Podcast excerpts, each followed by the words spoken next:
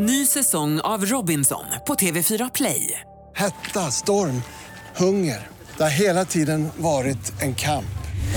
Nu är det blod och tårar. Fan händer just nu. Det. är Detta är inte okej. Robinson 2024, nu fucking kör vi! Streama på TV4 Play. Jag kan inte göra en porrbok som heter Killknullerskan Hanna. Jag kan inte det.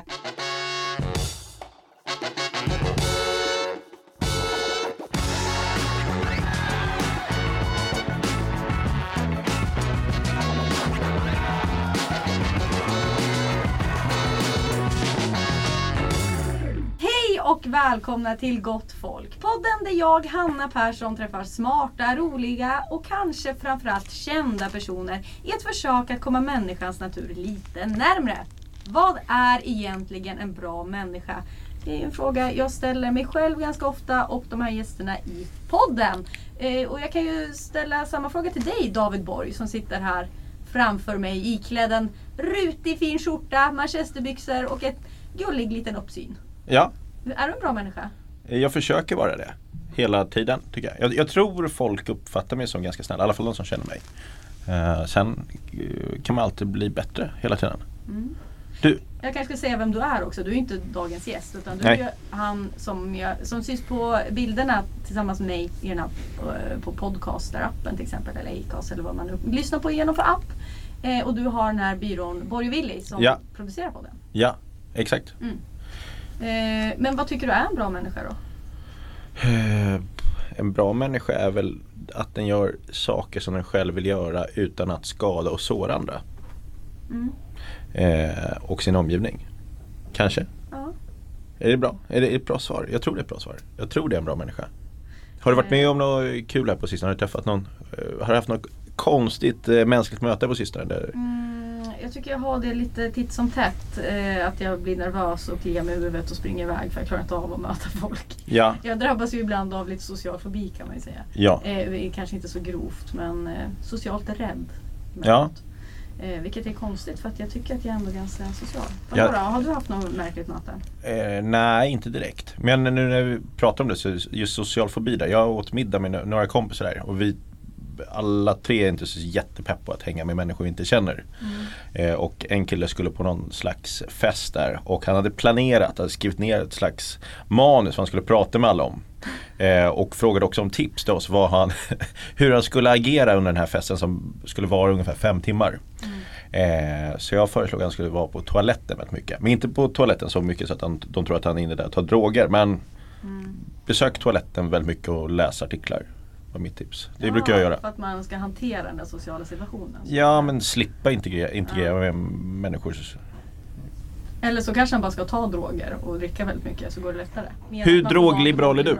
Eh, jag, eh, den som ställer frågor i den här podden. Ja men jag kan ju fråga dig nu. Mhm, Okej. Jag är, jag tror att jag är ganska drogliberal. Alltså, så här, jag Eh, är väldigt rädd för knark. Jag har aldrig tagit någonting. Jag har inte, inte rakt på, jag har inte tagit någon tablett eller något sånt. Och, men jag har ju väldigt många i min bekantskapskrets som håller på med sånt. Och jag tycker att det enda som jag stör mig väldigt mycket på i liksom rent personligt är ju att det ska bli en grej. Typ såhär, vem ska fixa det här? Ja, ska vi ta? Eller, jag vet inte, att jag tycker att det blir tuntigt. Det känns som att man, eh, som när man började dricka. Man- Ja, jag förstår vad du menar. Själva Eh, jakten i sig är rolig. Ja, själva... Så, ja, och så blir det fokus på det och sådär. Ja. Eh, och då känner man sig kanske lite utanför. Men så det tycker jag är dåligt och sen så kan man ju såklart se andra konsekvenser av det. Alltså för folk som missbrukar det. Men- så det är väl med allt missbruk. Så att där Ja. känner jag väl lite hycklare eftersom att jag dricker Ja. alkohol. Och... Men eh, kul att ha dig här David. Du ska bytas ut mot dagens gäst som är ingen mindre än en väldigt god människa, tror jag. Eh, Linnea Wikblad. Ja, kul! Programledare på PP3 i, på Sveriges Radio och eh, kokboksförfattare. Ja. Eh, känns supersmart och vettig. Så det ska bli kul. Men du kommer tillbaks. Och eh, hur känner du inför eh, det här avsnittet? Vad, du känner henne lite, jag känner henne ganska bra va? Nej, det Nej. Var, vi, vi, har, vi har setts. Ni har setts? Vi är inte kompisar på det sättet. Nej. Liksom. Eh, nej men jag kommer eh, bland annat fråga lite det här om eh, Eftersom att hon är kokboksförfattare har jag lite grejer, moraliska dilemma på det här med att laga mat åt andra och lite det här med att släppa bok. eh, Ja, det, det, det kommer bli spännande. Ja, Mm. men hon verkar spännande att få intervjua. Jag, jag har ju faktiskt blivit intervjuad av henne för Ja. förra våren. När vi, vårt bolag då, eh, vi la ut en slags platsannons. Det här är ganska kul. Vi la ut en platsannons då där vi eh, sökte efter en person då som skulle kunna övertyga oss om inte jobbet gick inte ut på det men arbetsprov gick ut på det. Man skulle övertyga oss om att James Blunts nya skiva är det bästa som någonsin har gjorts i musikväg. Eh, den här platsannonsen ja, blev en viral succé så vi fick media över hela världen egentligen. James Blunt skrev till mig på Twitter och tyckte jag var en mobbare. Eh, och då intervjuade faktiskt Linnea eh, mig eh, just gällande detta. Eh, ja, vi, Så- Apropå vara en bra människa där David. Du identifierar en bra människa som någon som är snäll mot andra. Sparka uppåt säger jag. Alltid sparka uppåt. Är James Blunt så mycket uppåt då? Han har sålt platinum, ja. pla, vad säger, platina, platinum. Nej, nej, nej, nej, nej, nej, nej, nej, Jag stänger, det blir ingen mer podd. Nej jag kan inte. Nej. Nej men eh, jag fattar. Det var kanske inte jättesnällt mot han och han har ju ändå jobbat på den där skivan men eh, ja, det är mot en person. Ja, Eh, tack David. Eh, du kommer komma tillbaks med Davids mörka vägskäl där du kommer sätta Linnea Wikblad i minst sagt eh, obekväma situationer. Hej och välkommen radioprofilen och kokboksförfattaren Linnea Wikblad. Hej, tack så mycket. Hur mår du? Bra. Vad bra. Mm. Eh, Jag har fått en p-bot precis, jag är lite Va? upprörd. Ja. Vad här eller? Nej, ja, på Stureplan där jag nu parkerade. Nej, jag är hemma hos mig själv vilket är liksom extra irriterande. Jaha. Så jag är lite eh, på Vad- dåligt humör men jag känner att det sakta smälter bort från Var det städgata? Nej, det var eh, tydligen, jag, jag trodde att man fick stå där men det fick man inte för det var tydligen för nära en utfart. Jag, ja, jag vet inte. Nej. Eh, 1200 goda kronor ska jag Mm. hosta upp. Ja men det där, hela min sommar bestod av p-böter. Hur många fick du i somras? Eh, kanske sju stycken. Åh jävlar. Ja, och i Sundsvall också. Oj. där det är ändå, där fick jag två, men där det ändå finns parkering. Alltså laglig Är det parkering. inte också eh, sån datumparkering i, eh, det, för, för det ser jag nästan aldrig i eh, Stockholm, vilket är typ den enda stad jag kör i Ja. hittills. Men att det är så här, du vet vad här med när det är ett och så snedstreck två och så ska man Ja. komma ihåg så här, udda datum Ja, och jämna. det, sånt där är det liksom i Eh. lite mer så här, mellanstora och mindre städer. Ja, det, var, det, det finns ju det i Sundsvall men det var inte därför jag fick böter. Det var för att Du stod på ett ögonställe. Jag stod på handikappplats faktiskt. Apropå moral. Nej, nej verkligen inte. Jag... Eh, eh, ja skitsamma. Jag, jag fick, jag vet inte. Ja ja, det var sju! Ja. Ehm, Okej. Eh, så här. Jag tänker att du är en väldigt bra person.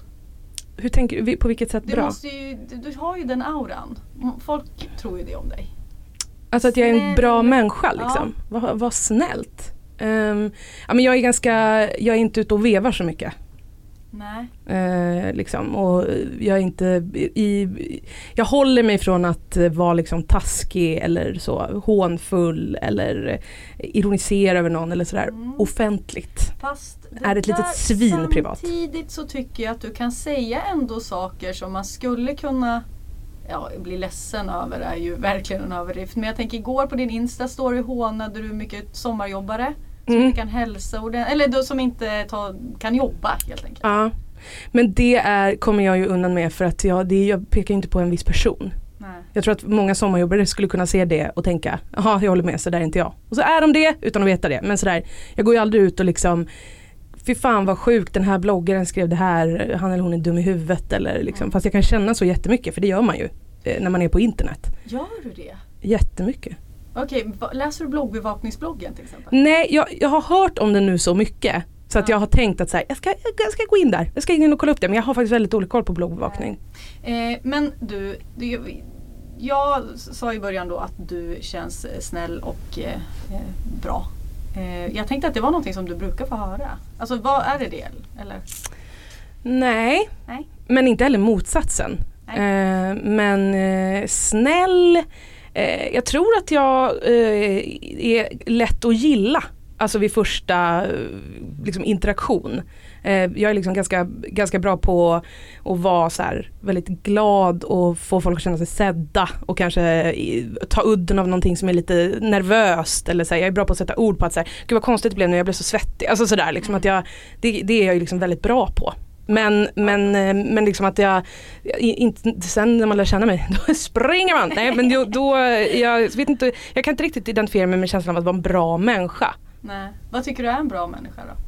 Ehm, jag tror väl egentligen att det handlar om eh, det här med att tycka liksom att alla människor är lika mycket värda. Det är så himla platt, eh, platt det är en så platt grej att säga men jag, jag tror ändå att det handlar mycket om det samtidigt som att det är jätte mer komplicerat än vad det låter. Jag menar, du kan ju stå så här på ena, ena sidan och vara liksom bara high key nazist och typ helt öppen med att den vita rasens överlägsenhet i din åsikt liksom. Och sen kan du stå på andra sidan och vara Moder Teresa, eh, vad nu hon, hon har gjort, det är väl mest lite av figure of speech ska jag väl säga, så jag har inte superkoll på henne. Men, eh, men sen så är, finns, är vi ju väldigt många som famlar däremellan någonstans. Och jag menar jag eh, ser mig själv som en person som eh, absolut tror på alla människors lika värde men jag lever ju inte alltid upp till det. Om man ska vara helt ärlig. Jag menar, när jag går förbi en så här EU-migrant som sitter och, och tigger utanför min lokala mataffär så reagerar ju inte jag likadant som om en gammal gymnasiekompis skulle sitta, eller en liksom, kompis är väl en sak, men en, en person som jag kanske vet vem det är eller liksom att då skulle jag bara, men gud hur är läget? Alltså, så här, och det tyder ju på att man inte är helt eh, tycker att alla människor är lika värda, kanske egentligen. Men det är svårt att förhålla sig till också, för vad skulle man göra då? I livet? Mm. Om man Nej, alltså- det, då kan man ju kanske inte Göra något annat? Nej, då får du ju se upp dig och eh, ja, vissa har ju den livsstilen, liksom, att man helt eh, går in i det. Mm. Eh, men, men det kräver ju. Det kräver sin, eh, sitt engagemang. Men, men när känner du då att du är långt ifrån att vara en bra människa? Eller när känner du att fan, nu sviker jag mig själv eller bilden som jag vill leva upp till? Liksom? Ja men det är nog när jag eh, går förbi. Mm. Går förbi eh, liksom människor som inte har det bra. Nästan varje dag. I den här stan liksom. Eh, Men är det någonting som du aktivt då reflekterar över? Mm. Eller? Ja. Och, eh, men jag är liksom klassisk eh, feg. Jag har liksom inte så jättebra civilkurage tror jag. I vissa situationer har jag nog det. Mm. Men, men jag kan känna så här. ehm, jag hörde en, ett radioprogram häromdagen där det var en kvinna som hade epilepsi som berättade att hon i princip har blivit, att folk har liksom gått förbi henne. Typ när hon har ett anfall. Ehm, för att de tror liksom att hon är väldigt berusad eller att hon det här, Hon berättade i och för sig att det här hände ute liksom i skogen. Och jag tror att jag skulle reagera om någon låg och krällade i skogen när jag gick förbi. Ja. Jag hoppas det av hela mitt hjärta. Men däremot så, så eh, när jag ser människor som till exempel är väldigt, väldigt påverkade av heroin så får jag liksom en jätte, jätte, jättestark obehaglig, eh, obehagskänsla och nästan vill byta vagn. Mm. Och då undrar jag liksom, jag vet inte om jag det kan kanske också ha lite höga tankar om sig själv. Jag vet inte om de behöver hjälp Nej, av mig i precis den stunden. Men å andra sidan, jag vet inte. Jag menar, egentligen så är ju det någonting som man borde reagera på när någon ser ut så. Alltså att man bara, är du okej? Mm. Liksom, vad är det som pågår här? Behöver du hjälp? Alltså, är det lugnt? Är det, liksom, är det bara ett rus nu eller håller du på att dö av en överdos? Alltså, Mm. Och det där typen av tänk är bara så här, det händer inte att jag liksom agerar så. Mm. Det är så jävla mörkt alltihopa. Mm. Men dålig människa, eh, ja. Sen så är jag jättedålig under stress och tar ut det på andra människor. Blir sur och fräser till och sånt där. Då ber jag om ursäkt sen. Jag vet inte om det är att vara en dålig människa. Nej men när, liksom, drivs du då av dåligt samvete? Alltså har du lätt att få dåligt samvete Mm. av en sån grej? Mm. Ja. Jätte, jättemycket. Jag, alltså, jag har kommit på det på senare år. Jag har aldrig förstått att det har varit stress. Om någon hade frågat mig för tre, fyra år sedan. Typ, hur hanterar du stress? Är du bra på att hantera stress? Då hade jag nog sagt så här. Jo men ganska bra. Gillar också när det är lite stressigt. Gillar att göra saker så här. Sända live. Bara yeah, det händer nu. Den gröna lampan. Nu kör vi så här. Men jag har kommit på eh, bara de senaste åren att eh, de där tillfällena när jag blir en jävla subba. Liksom. Varför blir det så? Va- Alltså, varför blir jag så då? Eh, och då har jag insett att det är min typ, alltså det är så jag då inte hanterar stress. Liksom. Nu låter det som att det händer varje dag. Men, men jag kan bli verkligen så här, "S- s- eh, snälla om ni ska prata i telefon, eh, kan jag bara få en liten, jag, jag kan inte tänka här. Alltså du vet att jag blir sådär och folk blir så här: okej, typ går ut och sen efteråt säger jag så här, förlåt, förlåt, förlåt för allt. Alltså, Ja. Eh, Men du har lätt då att be om ursäkt? Ja. ja. Ljuger du mycket? mm, nej. Och ja. Okej. Eh, jag ljuger ganska ofta om vad jag gör när jag pratar liksom i telefon med folk. För att jag alltid sitter liksom i någon sorts skam över allt som jag inte gör. Alltså typ att så här, det kommer nästan automatiskt om jag, eh, om jag liksom eh, ligger bara hemma på soffan Mm. och, så, och så ringer min mamma. Och så säger jag, hon bara så här, hade du precis vaknat? Jag bara nej, jag har precis vaknat. Men jag säger nej. Och sen så kanske hon säger så vad ska du göra? Jag bara, nej jag tänkte kanske tvätta lite, jag ska väl gå och handla en sväng. Inga planer på detta. Absolut noll planer på att handla och tvätta. Och det där kommer liksom bara, det kommer automatiskt. Jag ljuger aldrig i min relation. Jag är liksom tvångsmässigt panikslagen för att ljuga för min kille. Mm. Att jag så, Så så har här, jag varit. Ja du har ändrat det nu. Helt ändrat. Nu är det lögnens tid. Nu ljuger man om diverse grejer. Va, berätta. Nej. Ja men liksom, på riktigt, finns det en förändring? Ja, ja, ja Mm. verkligen. Eh, men hur länge har du varit tillsammans med din kille? Åtta år. Ja, det är länge. Mm. Eh, jag- Du också länge, eller hur? Ja, 13 år. Goda år. Ja, eh, om man inte räknar med att vi gjorde slut någon gång.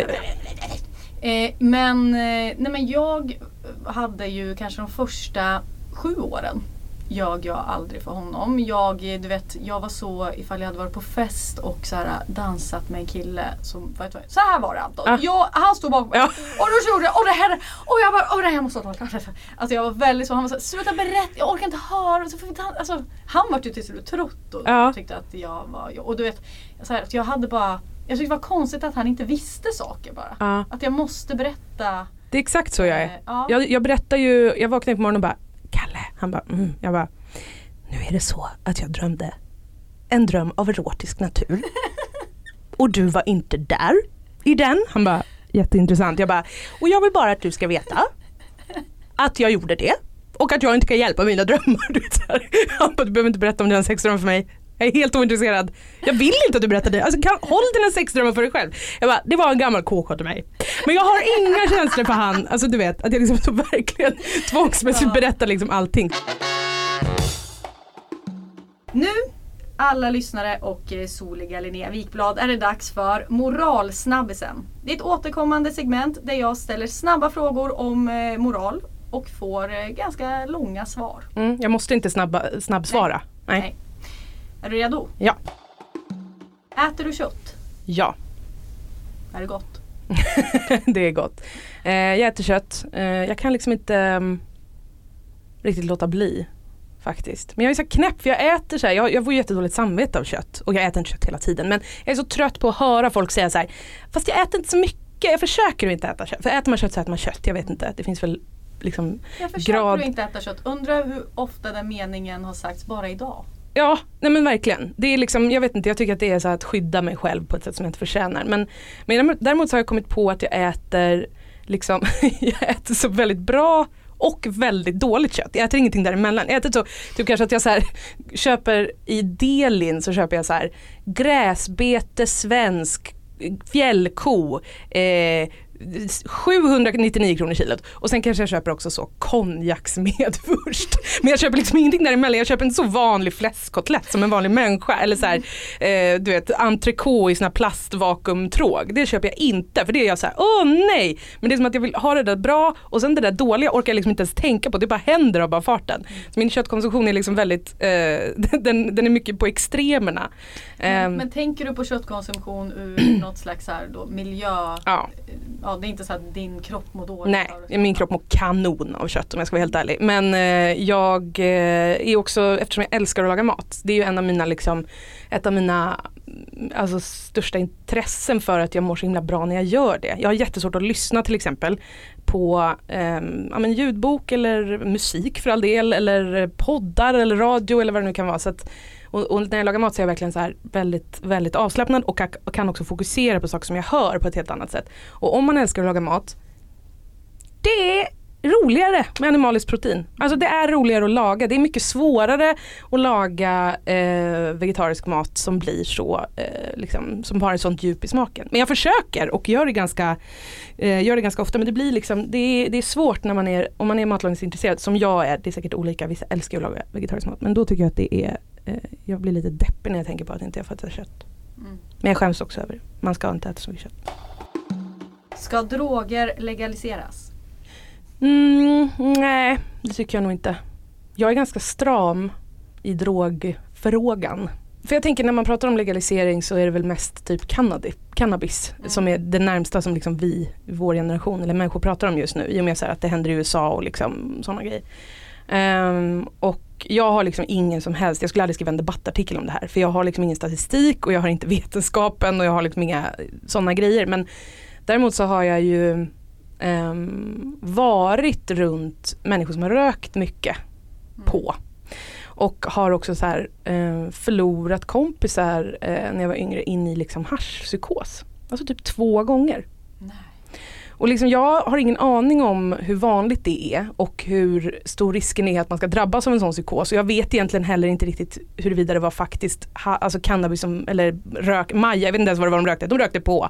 Eh, jag vet inte om det var det som gjorde att det hände. Men det kändes så väldigt, väldigt mycket. Och, har, och jag har liksom, jag tycker också att ehm, att det, så här, det händer något med människor som röker mycket. Jag kan liksom inte sätta fingret på det men det är, jag ska inte gå så långt att det är så personlighetsförändring och det är säkert jätteindividuellt och det finns massa människor som röker på hela tiden och är supervanliga, normala, fungerande personer. Men jag tycker mig liksom kunna nosa till mig liksom potheads. Mm. Alltså jag, det, det är någonting som händer med människor. Det är liksom någon känsla av att man ser igenom någonting. Det blir liksom lite konspiratorisk udd i hur man ser världen. Liksom. Det behöver inte vara att man sitter och pratar om chemtrails och liksom den grejen. Men att det är så här, hur är läget? Jo det är bra. Ja men eh, är det bra eller? Och man bara, jag har inte bjudit in dig Nej. i det här samtalet. Du kan inte ta det här klivet över, eh, du ska inte tro att du så här, ser igenom mig för att du typ röker på. Alltså, så här, eh, men jag är också en superhycklare för jag är alkoholromantiker så jag bara stänker om det. Och alkohol skapar ju massa samhällsproblem så att, hä.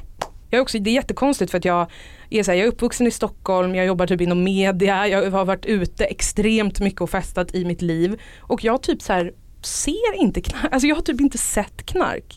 Jag har typ aldrig sett någon dra en lina. Vilket är typ helt otroligt. Det har inte jag heller. Har du inte det? Nej. Men jag är väldigt rädd för knark. Vad gör jag med? Eh, jag, jag antar att folk inte drar fram det när jag är där typ. Nej, men jag har ju varit med att folk har gått iväg och sen har de kommit tillbaks. Men jag har aldrig liksom sett själva pulvret. Inte eller, heller. Ja, ja. Och det är ju överallt runt omkring en hela tiden. Men jag, jag vet ju det. Vad anser du om aktiv dödshjälp? Vad är inaktiv dödshjälp? Har jag alltid undrat. Eller vad är passiv dödshjälp? Det, det är väl mord? Dråp? Det är för. Ja. Det är för. Ja, men du fatt, man säger ju ändå aktiv Ja, jag fattar ju precis vad det är. Det bara slog mig att jag inte har en aning om vad passiv dödshjälp är. Vad tycker jag om det? Jag tror att jag i många fall skulle vara för det. Mm. på något sätt. Alltså att jag kanske ty- tror på eh, liksom idén om att få bestämma över sitt liv. Ehm, och det blir ju snabbt väldigt mörkt för att eh, liksom, kommer man in på så självmord och liksom sådana där grejer. Eh, vilket är svårt att vara för eller emot självmord. Det finns inte ens. Men, men aktiv dödshjälp skulle jag väl kanske klassa lite som något typ av självmord ändå. Och det är ju jävligt sorgligt men ehm, men det, det, det känns som att någon del i mig tycker att man måste kunna få bestämma det. Samtidigt som jag fattar att det är så här problematic att typ jobba med och så här ha ihjäl folk som inte har lust längre. Liksom. Jag förstår att det är svårt att lagstifta runt och eh, rent moraliskt och etiskt skapa någon sorts regelverk för att det ska kunna fungera. Så jag fattar det. Typ. Men Och, och när man ska lyssna på personen som vill ha. hur ska man veta att det beslutet är rimligt och liksom så här. Så att eh, jag, jag, jag, säger nog, jag säger nog inte att jag är för det. Men jag fattar verkligen Mm. Eh, att, att vissa kan att det kan vara ett superskonsamt sätt att få lämna för vissa personer. Är du för abort? Mm, jag, alltså jag är för, rätt, jag är för rätten, att, rätten att ta bort. ja, alltså självklart är jag det. Eh, 100%. Är det okej att köpa sex tycker du? Eh, nej, det tycker jag inte. Det är okej. Jag, eh, jag har svårt att se eh, Jag har svårt att se att det skulle vara rimligt. Källsorterar du? Inte plast Va? av någon anledning. Ja, jag vet. Jag, jag, matrester och plast källsorterar jag inte. Men det är liksom inte så ett aktivt val att jag bara plast, det, det tänker jag fan inte källsortera. Men jag har liksom en sån, det, det handlar om plats för plast. Jag har liksom, eh, eh, nu ska vi se, pant, eh, wellpapp, eh, pappersinsamling, ehm, glas eh, och sen så har jag en sån eh, en, längst in som är typ så här konservburkar, glödlampor, batterier, alltså sånt som man kan sortera lite sen när man, inte att de åker i samma, men liksom lite sån mer knepig Men vadå, sopa. Du menar att du i ditt hem måste ha ett kärl för varje sort... Alltså det gör man ju sen. Man har, vi har ju, alltså jag har ju en låda som jag lägger allt i. Sen går jag till sorteringen och där delar jag upp. Välter nu? Är det här ett system folk har? Vadå? Ja. Men vadå, vad sorter, du, vadå, du lägger ner så här vinflaskor, pizzakartonger, Ja. bibbar. Ja, i samma grej. För att jag har också platsbrist. Så att jag går ju till sorteringen varannan dag ungefär. Ja, så du går till sorteringen med stora liksom, IKEA-kassar och exakt. där ur tar du då batterier Ja, och det är och liksom juicekartonger och det är Jag känner mig vidrig när jag gör det. Mm. Ja nej jag har liksom, eh, jag har ju så här du eh, har en egen sortering hemma under diskbänken. Nej jag har i, en, i, en, i ett skåp så har jag vanliga så här, papperspåsar, såna vanliga Ah, ICA-påsar. okej. Mm. Och då så i en har jag då så här, liksom, det är glas och så är det pant och så är det plast, och, eller inte plast då, utan wellpapp och så. Och plast har liksom bara inte fått någon plats för att det också ofta är just kladdigt. Och kanske att det är geggigt och då vill jag inte ha det stående i en garderob och under diskbänken finns, du vet. Men, eh, Jag förstår att du inte har plats för plasten Mm. om eh, du gör på det sättet. jag vägrar låta dig känna mig att jag ska känna mig så här sjuk som jag gör nu. För du lägger allting i samma och släpar likt en liksom så tomtesläde ner för trapporna till, till ett soprum. Det tycker jag är Inte ens ett soprum utan jag måste ju gå ungefär 500 meter till eh, en offentlig sortering. Åh, herregud. Ja, så mycket. Har du mycket klimatångest? Ja, speciellt det senaste året. Jo men jag har, extrem, jag har så mycket klimatångest så att jag inte läser någonting om klimatet. Så att jag vet ingenting. Alltså så, här, så fort det kommer upp i mitt flöde att det är så här, nu är det allvar, experterna varnar, 50 år, alltså du vet så, då är det som att jag bara scroll, alltså då, då, åker, det, då åker flödet upp snabbare än Lucky Luke. Det är, jag, jag fixar inte att läsa en enda liksom sån eh, varnande eh, artikel. Men jag vet ju samtidigt vad som händer. Hur mycket skänker du till välgörenhet? mm, vad är det, typ kanske 300? 200 till en organisation, 100 till någon annan organisation. Men det ska gudarna veta att det har jag blivit tvingad till. Det är sådana som har ringt och jag inte har vågat säga nej. Ja. Så det är inte De så här här. breven då som du får, öppnar du dem? Ja, för att jag papperssorterar. det är fönsterkuvert Hanna, det är plast i. Ja. Kan man inte lägga i pappersinsamlingen? Nej, det kan man inte. Det har hänt. Ja, det har hänt mig också. Ny säsong av Robinson på TV4 Play. Hetta, storm, hunger. Det har hela tiden varit en kamp. Nu är det blod och tårar. Fan händer just nu. Det. är Detta är inte okej. Robinson 2024, nu fucking kör vi! Streama på TV4 Play. Ett poddtips från Podplay. I fallen jag aldrig glömmer djupdyker Hasse Aro i arbetet bakom några av Sveriges mest uppseendeväckande brottsutredningar. Går vi in med hemlig telefonavlyssning och, och då upplever vi att vi får en total förändring av hans beteende. Vad är det som händer nu? Vem är det som läcker? Och så säger han att jag är kriminell, jag har varit kriminell i hela mitt liv men att mörda ett barn, där går min gräns. Nya säsongen av Fallen jag aldrig glömmer på Podplay. Tycker du att det finns någonting som är otrohet? Mm. Det är som att jag tror att jag missuppfattade dina frågor när du bara, är du för abort? Jag bara, jag väntar så på en hake typ så att jag låter så tveksam. Ja, För du det, tycker att det är så självklart? ja eller jag väntade liksom på en så liten så att, eh, ja.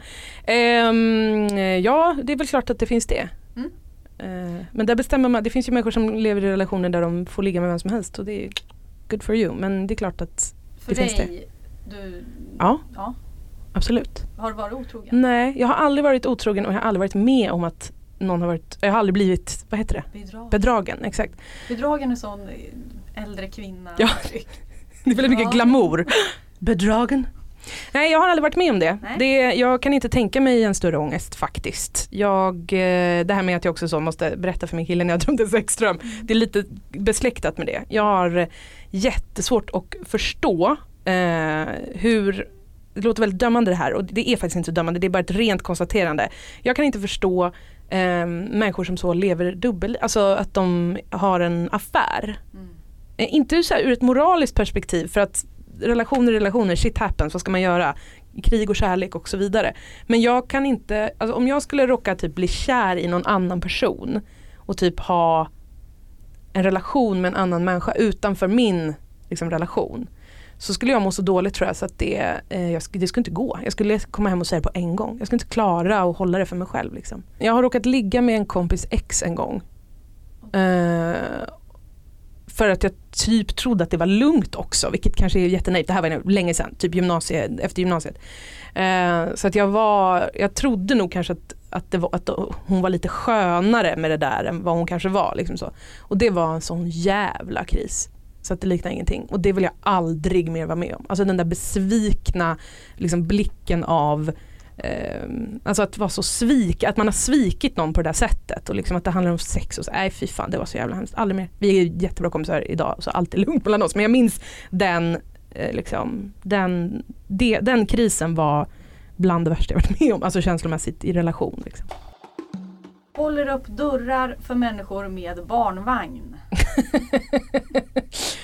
jag håller upp dörrar eh, så fort det behövs. Jag, är en stark, jag har stark tilltro till att hålla upp dörr, dörrar. Jag, håller, jag är en sån där som i, på jobbet på P3 i Stockholm där jag jobbar, då är det ju så ganska långa korridorer med eh, så här, dörrar var typ kanske 20-30 meter. Och då kan jag vara, du vet så här, att jag liksom, när det kommer någon så här 20 meter bort så står jag liksom och håller upp den och då måste den så lunka så lite snabbt.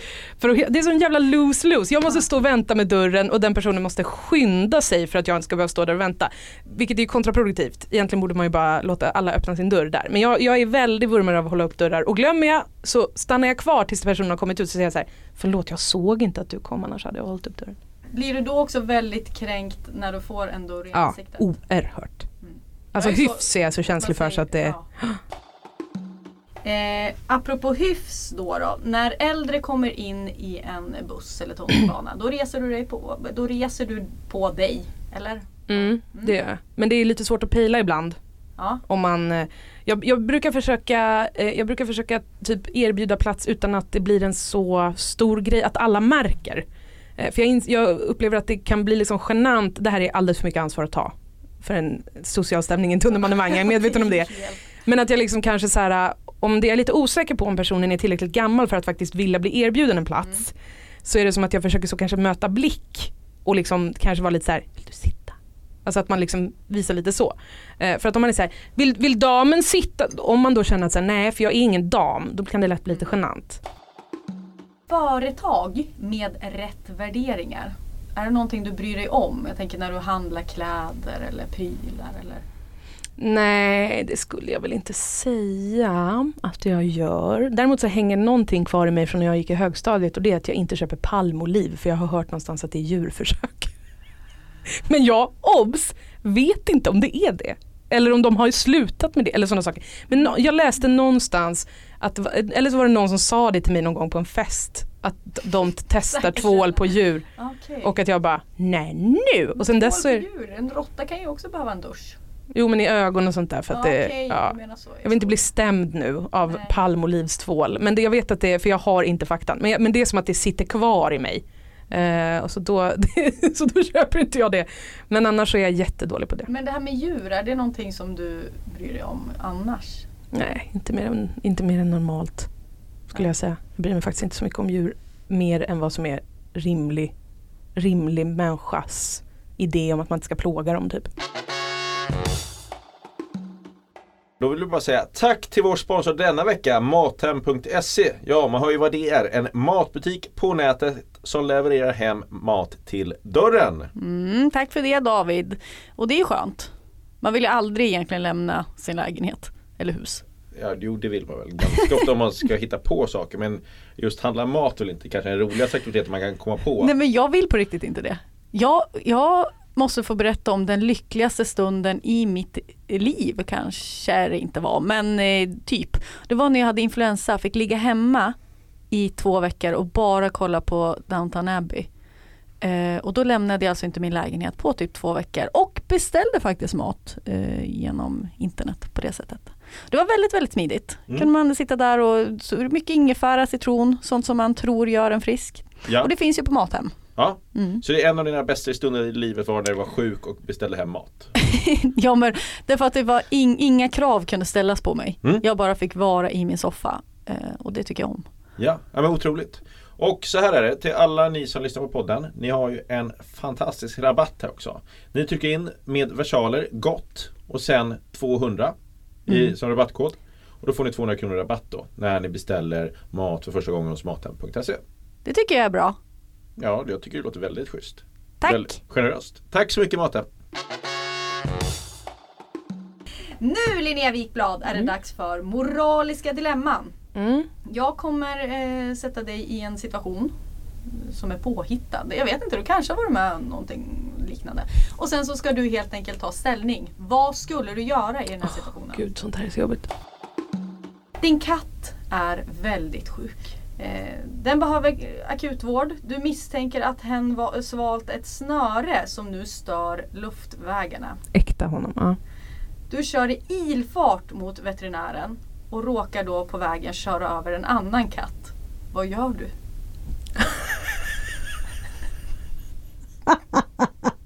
Jag trodde typ att det skulle komma så, så här, ett barn, för då var jag så himla, jag var så nöjd över att jag skulle bara, barnet, jag är inte galen typ.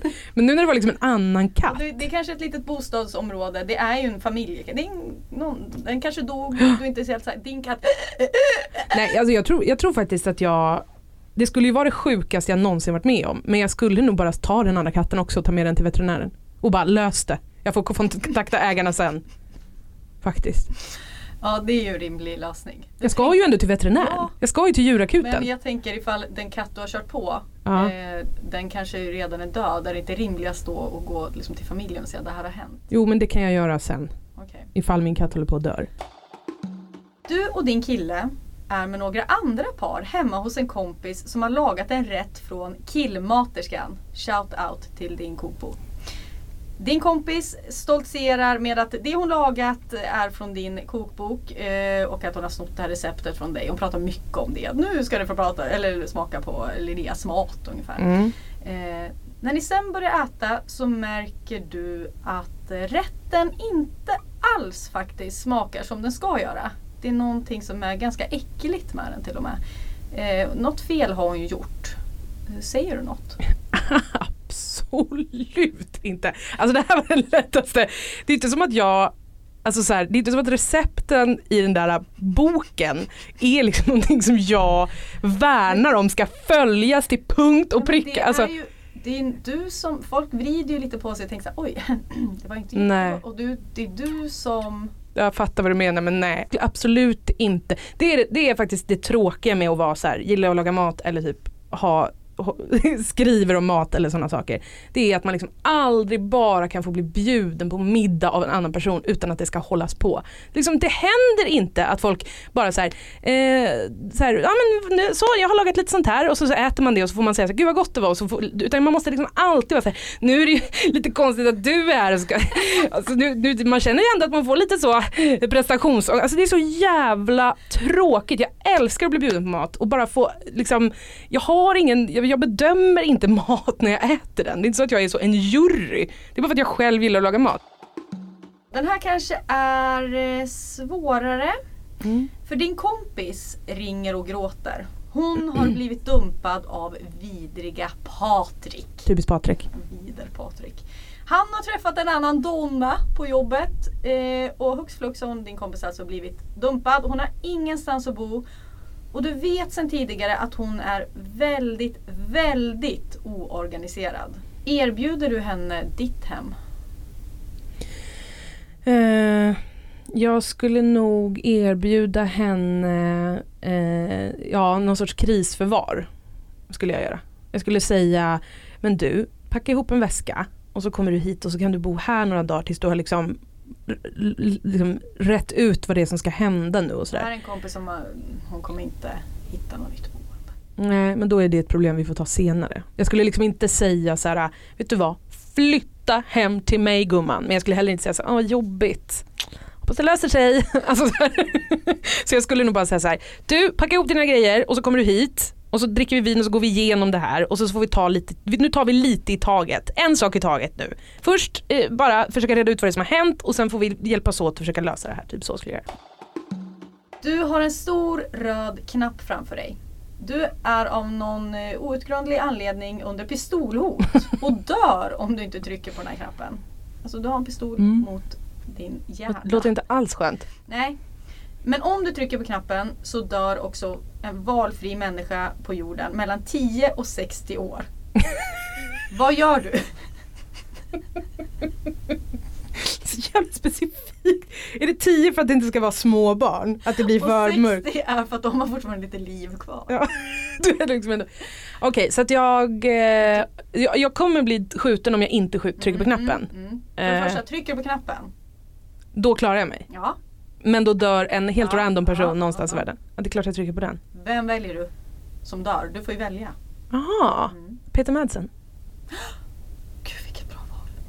Jävlar vad jag skulle trycka på knappen.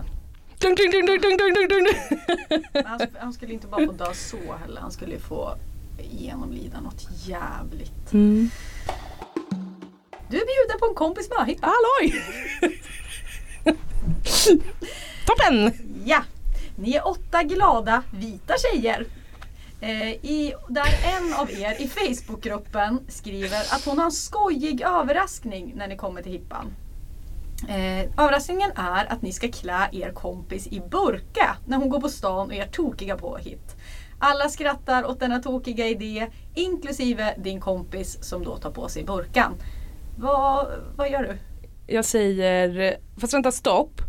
Förlåt, jag är verkligen inte, eh, jag är verkligen inte så himla eh, kinkig vanligtvis. Det här säger jag för att smooth liksom så. Men att klä ut sig till liksom en muslimsk kvinna, det kommer inte, jag tycker inte att det är så nice. Jag tycker att det känns som en väldigt, väldigt dum idé och onödigt. Jag, jag skulle nog säga att vi inte gör det faktiskt. Så skulle jag säga. Låt säga att ett eh, högerextremt parti som vill inskränka på kvinnors rättigheter är öppet rasistiska och vurmar för någon slags hemmafrusamhälle alla 1950-tal ser ut att få extremt många röster till valet. I ditt jobb på Sveriges Radio får du dock inte uttala dig om partipolitik och kan därför inte använda dina relativt stora sociala medier för att försöka påverka andra. Vilket ju på till viss del gör att partiet kan bli stort och på sikt bidra till ett samhälle där väldigt många människor far illa. Vad gör du? Hmm. Ehm, nej jag gör ingenting Nej. eh, faktiskt. Jag, eh, det är inte min uppgift. Att göra och det, det. kanske är att lägga väldigt mycket ansvar på dig. Ja, jag tror också att det finns människor som har jättemycket, jättestora Instagramkonton eh, som eh, liksom kan påverka samhället eh, mer eller mindre än vad jag skulle kunna göra. Alltså det är inte, mitt jobb är inte att vara, driva opinion. Det är liksom inte mitt jobb. Jag lägger mig inte i det. Åh gud, hur ska jag leverera den här lika kul som jag tycker att det är mitt huvud? Antingen så släpper du en bok som heter Killknullerskan. Det! Jag har redan valt! Du behöver inte ens läsa det andra, jag sa det!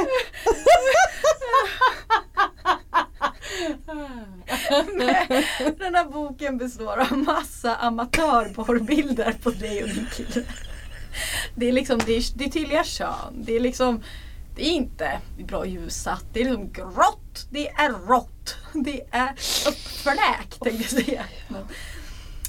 Eller så släpper du en, någon slags biografi eller så memoarer, jag vet inte riktigt skillnaden där, över ditt liv där du kommer ut som förintelseförnekare light. Jag har inget namn på det. Det blir killknullerskan eller Eller liksom en liten, en liten sån Did it really happen though? Mm, exakt. Alltså typ så. Men det är alltså, det går inte att förklara hur lite jag vill göra killknullerskan. Alltså det, det, jag vill det så lite Den så att jag, jag skulle, alltså, jag vill så lite göra den så att jag undrar vet du om jag inte kan unna mig lite förninkelse av förintelsen. Jag kan inte göra en porrbok som heter Killknullerskan Hanna. Jag kan inte det. Är du så pryd? Sex? Pryd? Pryd? Det här handlar väl inte om liksom sexualmoral, det här handlar ju om liksom killknullerskan. Hö- Högupplösta, dassiga gråa blixtbilder på mig och min, menar alltså, du kan inte förstå. Nej. Karaktärsmord. Nej jag förstår att det här är, är, är knepigt. Jag, Ja, Nej, jag- det, det var riktigt bra dilemma. Du blir jätte, jättekär i en kille på jobbet. Men du inser ju också någonstans att det här är en förälskelse. Så att du väljer ändå att stanna kvar hos din kille. Du får berätta om du vill och sådär. Men du väljer att göra det men det är otroligt så här, känslomässigt ansträngande och hemskt och panik. Liksom. Eller så, så blir din kille jätte, jätte, jättekär i en person på jobbet.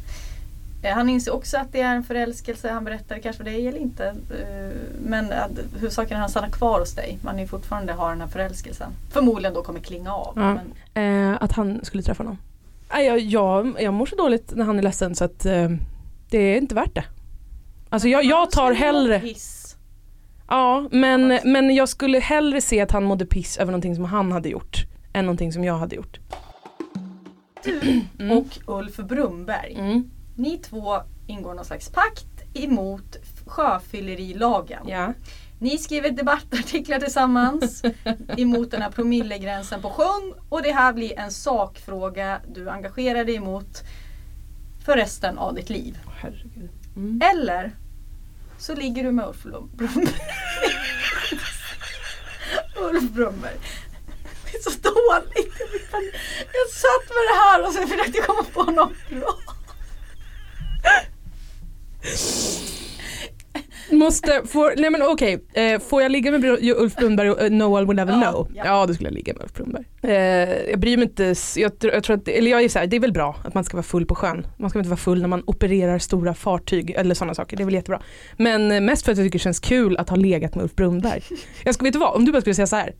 Det var inte ett dilemma utan du skulle bara säga, skulle du kunna tänka dig att ligga med Ulf Brunnberg? Då skulle jag säga så här, ja kanske. Jag gillar ju blonda. Är det här något som skulle stå i Förintelseboken? Ja, Dina eventuellt framtida barn blir mobbade eller mobbas. Mm. Ja, det är liksom jätte, jättesvårt att, att svara på den frågan såklart. Men om jag tänker att det är lite olika tankar för jag tänker det finns fler softa bra människor som har, bliv, som har varit mobbade än som har mobbat, tänker jag mig. Källa, feeling bara. Ehm, samtidigt som jag tänker att, att ha ett barn som blir mobbat, det kan man liksom inte riktigt påverka. Men om man har ett barn som mobbar så har man liksom möjlighet att som förälder gå in och försöka fixa det. Liksom. Så att jag skulle nog säga att jag hellre har barn som mobbar. För jag skulle liksom ha enklare att hantera sorg över att mina barn inte kan uppföra sig än att mitt barn liksom blir illa behandlat tror jag. Tack till vår sponsor denna vecka som är Akademikernas A-kassa. En helt partipolitiskt obunden och icke vinstdrivande organisation. De är dessutom den näst största organisationen i Sverige. Alltså det är bara Svenska kyrkan som har fler medlemmar. Över 700 000 medlemmar har A-kassan. Visste du om det? Nej, nej, nej David, jag visste faktiskt inte det. Men jag blir imponerad. 700 000 medlemmar. Större än så, ja det, det är imponerande. På riktigt är näst, det största, imponerande. näst största i Sverige. Mm. Ja, och det är också visar hur fint och fungerande ett så här system är när du själv har ett jobb. Du behöver inte använda då en a-kassa då. Men du är ändå medlem. Dels för att du skyddar dig själv eh, för framtiden. Mm. Men samtidigt att du solidariskt hjälper andra. Mm, ja det är ett väldigt fint system, det måste man ju ändå säga. Och det kostar ju bara 110 kronor i månaden. Om man går med på akademikernasakassa.se så kan man anmäla sig och så betalar man de här 110 kronorna i månaden. Så är man ju med och stöttar det här fina solidariska systemet. Mm. Grymt! Ja, tack, grymt så, tycker vi. tack så mycket Akademikernas a-kassa. Tack ska ni ha. David Borg kommer komma in hit och köra Davids mörka vägskäl. Det här är dilemman som jag eh, kanske inte riktigt har vågat tagit i. Eller så är det bara mm, att han ska få vara med lite i podden. Det är bäst det. Ja, jag vågar fråga allt. Eh, han är på ingång. David! Du blir gravid och föder en katt. Hela världen vill träffa kattkvinnan och kattbarnet. Eller så föder du ett barn som i vuxen ålder blir rasist. Det är extremt svårt att förhålla sig till de här två världarna.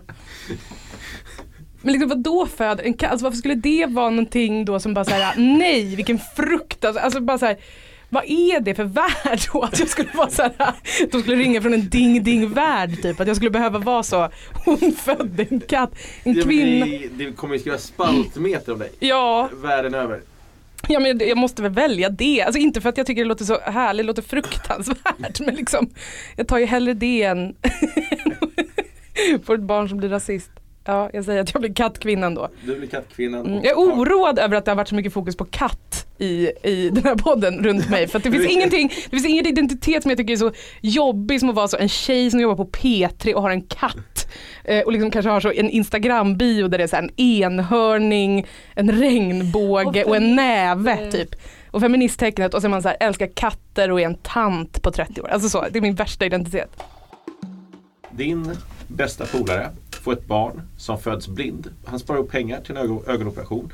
Precis när han har råd med ögonoperationen så kommer du hem till honom, tar pengarna, super upp dem och kan sen aldrig betala tillbaka. Det blir aldrig någon ögonoperation och ni förblir ovänner. Eller så din framtida son föds blind. Du sparar ihop pengarna men precis när du har råd med operationen så kommer din äldsta och bästa vän hem till dig och tar pengarna och super upp dem. Det blir aldrig någon operation. Din son förblir blind. Vad väljer du? Gud ni kommer bli så obekväma nu men det skiter jag i, det gör ingenting. Eh, min kille är ju synskadad eh, och ser ju ingenting. Panik sprider sig i rummet. Jag, vet, jag tänkte på det när jag läste Nej, den. nej, nej, nej. Jag, jag går nu. Jag går nu härifrån. Fy fan vilket njut. Det är ju ingen som helst fa- fara, det var bara så roligt att paja den här stämningen. Fan vad du härskar här. Så att jag vet ju hur det är. When the hunter becomes the hunter. Verkligen. Nej jag vet ju hur det är eh, att inte kunna se någonting och jag tror att ehm, vi har ju ett, eh, ett, ett, hem, ett hushåll som är väldigt bra på att hantera synskadade personer. Så att jag eh, väljer nog det. När ni har bråkat har du möblerat om rummet någon gång? Nej, men han har inte varit blind så länge. Han eh, tar väl synen för typ två år sedan. Okej. Ehm, så att, eh, men det händer ju absolut att jag så ställer en stol och, eller typ så, att det has ju ut vinglas och eh, liksom gås in i dörrar och liksom Okej. eh, sådana saker. Och att jag flyttar typ en väska för jag tycker den står i vägen och så vet inte han vad sin väska är så kommer han inte iväg till jobbet för han har ingen väska. Typ så. Men det är inget jag har gjort av, eh, to, av grudge så. Ja, okej. Lite too soon alltså. Hanna sitter här och mår jättedåligt. Du ska hoppa in snart och ta över och avsluta hela eh, Jag beklagar. Men, Men jag tycker det var bättre att jag sa det nu Ja. än att du skulle få veta det någon gång i framtiden och tänka åh herregud jag ställde den här Ja, ja, blindfrågan, ja. fy fan jävla Yes. skithelvete. Du är tvungen att köra över din pojkvän med en ångvält och sedan skär upp honom som köttpannkakor. Du släpper sedan en kokbok om kannibalism. Eller så blandar folk ihop dig med Linnea Claesson. Det är kul för det har det faktiskt hänt. Ja då får folk blanda ihop mig med Linnea Claesson. Det har, jag, det har jag i så fall inga problem med. Det känns, alltså att döda min kille eller att bli, eller att bli liksom ihopblandad med typ en kanske lite störig influencer. Jag vet inte, jag, det är inte supersvårt. Nej, nej. Super. Hanna, din tur att ta över. Tack David, vi syns. Och gud, tänk att få så fun- fucka upp eh, stämningen med funkis. Det är så sällan man får det. Det är, eh, ja.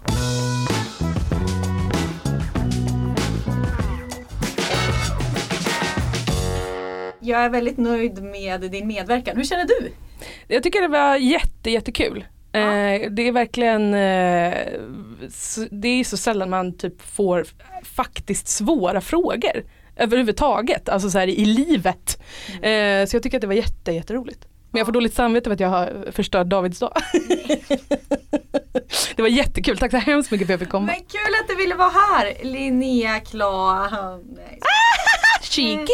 Mm. Förutom att tacka Linnea ska jag också tacka alla ni som lyssnar. Eh, jag ser att ni är ju några tusen och det är jätte, jättekul. Berätta gärna vad ni tycker om podden. Skriv till mig kanske på ja, ett DM på Instagram. Hanna Pi heter jag där.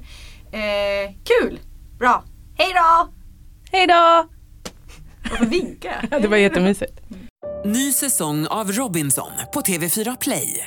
Hetta, storm, hunger. Det har hela tiden varit en kamp. Nu är det blod och tårar. Fan händer just nu. Det. är Detta är inte okej. Robinson 2024, nu fucking kör vi! Streama på TV4 Play.